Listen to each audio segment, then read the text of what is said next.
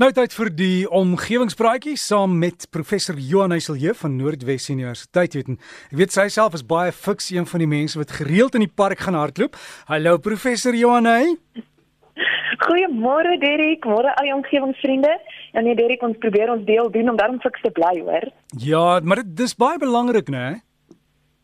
Verseker Derek, die, die geheim is seker om eerder te probeer fiks bly as om weer elke keer opnuut fiks te moet word. So om wat te onderhou terwyl daar nog iets is om te onderhou. En dan moet ons almal deesdae ook kragspaar fiks wees. Weet ons vergeet hoe spaar mense elektrisiteit en ek weet daar was klomp navrae daaroor. Wat moet ons doen? Dit is so Derek, ek dink beerdkrag het ons almal weer opnuut kom bewus maak van al hierdie uitdagings rondom volhoubare energievoorsiening in ons land. So as jy nou sê ek het heel wat e-posse ontvang van omgewingsvriende wat vra wat ons te doen staan. En die kort en die lank is presies soos jy sê, ons moet almal poog om energie te spaar want hierdie aanvraag na energie is baie hoër as wat die aanbod en die voorsiening van energie is wat dan nou lei tot beerdkrag en tot al hierdie tariefverhogings wat ons sien. Nou Suid-Afrika was vir baie jare die goed goedkoopste verskaffer van elektrisiteit in die wêreld. En dit was ook die rede waarom die opwekking van energie deur sonkrag nooit regtig posgevat het hier in Suid-Afrika nie. Ten spyte daarvan dat ons klimaat eintlik ideaal geskik is vir sonkragstelsels. Ons weet oor see is daar baie lande wat reeds primêr op hernubare energiebronne staat maak. En ek lees in die week um, die energie innovasie organisasie het 'n verslag gepubliseer wat wys dat die FSA amptelik nou die steenkool kruispunt bereik het. So dit beteken 74% van hulle bestaande steenkool aanlegte kos hulle nou meer as wat dit sou kos om nuwe wind- en sonkrag aanlegte te bou om hierdie bestaande steenkool aanlegte te vervang. Nou voorheen het dit nie finansiëel sin gemaak nie, maar die insetkoste van die wind en die sonkrag het die afgelope tyd so afgeneem dat die FSA nou hierdie steenkool kruispunt bereik het. Um, ons kollegas by die Universiteit van Kaapstad se energie navorsingsentrum het einde 2018 ook 'n verslag gepubliseer waarin hulle bevind het dat dit ook die geval hier in Suid-Afrika is dat hernubare energie goedkoper is as die steenkoolaanlegte. En die verslag wys hoe Eskom se steenkoolkoste met 300% toegeneem het oor die afgelope 20 jaar wat natuurlik nou die hernubare energiebronne baie kompeterend maak. Um, tans is die voorsiening van hierdie hernubare energie in Suid-Afrika egter nog baie beperk. Byvoorbeeld, die 32 grootste windplase in Suid-Afrika voorsien saam nie 71% van die energie wat een groot steenkoolkragstasie kan voorsien nie. So, in die tussentyd gaan dit beteken ons gaan almal baie meer spaarsamig met elektrisiteit moet werk om hierdie nasionale kragstelsel onder minder druk te plaas, maar ook omdat elektrisiteit baie duur raak en die verwagte tariefverhogings gaan natuurlik verskeie implikasies inhou vir die individu, maar ook vir die kommersiële sektor. Hmm. So ons ons omgewingsvriende die afgelope week baie goeie raad gedeel op ons Facebookblad en maniere hoe om elektrisiteit te spaar wat ek sommer graag vanoggend wil deel. So die eerste en die maklikste is om toestelle heeltemal af te skakel as dit nie gebruik word nie. So dit sluit in muurproppe, die televisie, die rekenaar en ook ligte binne en buite die huis. Natuurlik oorweeg energie-effektiewe gloeilampe. Ons sien tot 'n 75% energiebesparing met hierdie gloeilampe. En dan as ons koffie maak, gooi net genoeg water in die ketel vir daardie koppie of twee wat jy benodig om dan nou die kooktyd te verminder en ontkalk maar gereeld die ketel sodat dit baie meer effektief kan werk. Nog 'n voorstel is om om skootrekenaars en die selfone van die laaiers af te haal nadat dit volgelaai is sodat dit nou nie aanhou om krag te gebruik nie. En professor Jonah, ek wil net gou daar sê, baie mense los die die klein wat hulle noem transformatortjie in die muurprop aan, maar prop hulle selfoon uit. Jy moet hom uit die muur uittrek uit die muur uit en die muurprop afskakel. Ja. Dis maar die die mees effektiewe manier en dan as jy jou huishoudelike toestelle vervang, koop maar yskaste of vrieskaste of of wasmasjiene met die beste energieverbruik gradering. So gaan doen maar 'n bietjie huiswerk, maak seker wat se items jy koop. En dan die een item wat die meeste elektrisiteit gebruik is natuurlik die warmwatertoestel. So dit kan tot 40% van die elektrisiteitsrekening uitmaak.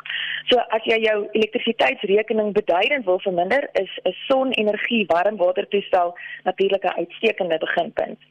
Maar dit is ook regtig baie bronne wat wys dat energie gespaar word wanneer hierdie warmwatertoestelle net aangeskakel word so 'n uur of 2 voordat jy warmwater benodig en dan weer direk afgeskakel word sodat dit ook nie aanhou om die water periodiek te bly warm maak nie.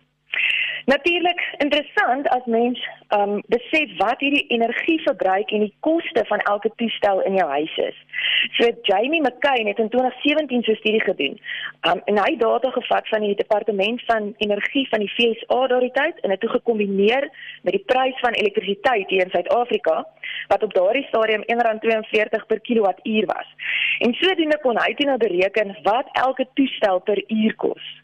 So die duurste was die ketel teen R3.41 per uh, per uur, gevolg deur die wasmasjien teen R3.26 per uur. En dit is nou gegee dat jy die klering dan in warm water was. Lugversorgers kom volgens hierdie berekening uit op R2.56 per uur. En dit is natuurlik 'n aardige bedrag as hierdie hierdie lugversorgers aan 'n verlang periode aangeskakel is. En ander toestelle is byvoorbeeld die mikrogolfoond teen R2.13 per uur verwarmers teen R1.78 per uur, strykysters teen R1.56 per uur en dan yskaste hardloop so teen 32 sent per uur en televisies teen 21 sent per uur. So daar's 'n volledige lys wat ek ook op ons blad sal deel, Derek. Maar dit is ook belangrik om dan by te sê dat die tipe toestel of dit byvoorbeeld 'n ou of 'n nuwe generasie is, maak natuurlik 'n groot verskil, né? So hierdie is maar een berekening wat hy gedoen het, maar baie van ons nuwer toestelle is ontwerp om meer energie-effektief te wees. Ehm um, maar dis nog steeds as mens weer so finansiële bril na die toestelle kyk, dan kan dit mens help om te prioritiseer waar jy moontlik energie en kostes kan spaar. En dan natuurlik weet ek die ander opsie is maar om oor te skakel na alternatiewe of groen energiebronne en glad nie meer afhanklik te wees van hierdie nasionale stelsel nie. En um, op ons omgewingspraatjies meningspeiling wys dit vanoggend dat 85% van ons omgewingsvriende tans sonkragstelsels oorweeg. So dis iets waaroor ek graag volgende week dan verder wil gesels Dirk is die alternatiewe energiebronne en dan veral sonkragstelsels vir residensiële gebruik. Maar vanoggend as groen gedagte dink groen en spaar elektrisiteit so ver moontlik En ons moet asseblief onthou vanaand om 09:30 is dit aarduur, soos ons Engelse vriende sê Earth hour. En dis die ideale tyd om dan nou al die elektrisiteitstoestelle af te skakel ter ondersteuning van wêreldwye volhoubaarheid. So vanaand spaar ekstra energie en geniet sommer net die helder sterre in die lug. Uh Jonna, hoe laat is die aarduur van hoe laat vanaand? 09:30 tot 10:30. So dis 8:30 tot 9:30. Ja. Ek het hom. En dan volgende keer wanneer ons gesels oor die ander maniere van energie in die stelsel insit. Uh, ek hoor buite van ons dorpe is daar groot sonkragaanlegte wat net daar staan en nie gebruik is nie. So baie van die die mense het geld ingesit. Die is weg. Hulle is terug buiteland toe en het dit net so gelos. Is, dit is vir Derek ons is ek is besig om om goeie huiswerk te doen oor presies wat die stand van sake is ook vir die individu. Ehm um, is dit lonend om hierdie pad te volg? 'n Tyd gelede was dit nog baie duur, so ons is besig om so 'n paar ehm um, koste-analises te doen om te kyk wat is die stand van sake en ek weet baie mense is nou besig om dit te installeer. So ons gaan sommer net so 'n paar wenke gee, dinge waarna jy moet kyk en opsies om te oorweeg um, volgende week. So gesels ons saam met professor Jonas Lee van Noordwes Universiteit. As jy wil e-pos, is omgewingspraatjies by gmail.com en ook op Facebook. Ek sien hulle het klaar die inligting daar geplaas. Omgewingspraatjies. Gaan hou van die groep en sluit aan as 'n vriend en dan kry jy die inligting. Kom ons hou die omgewing groen en spaar krag.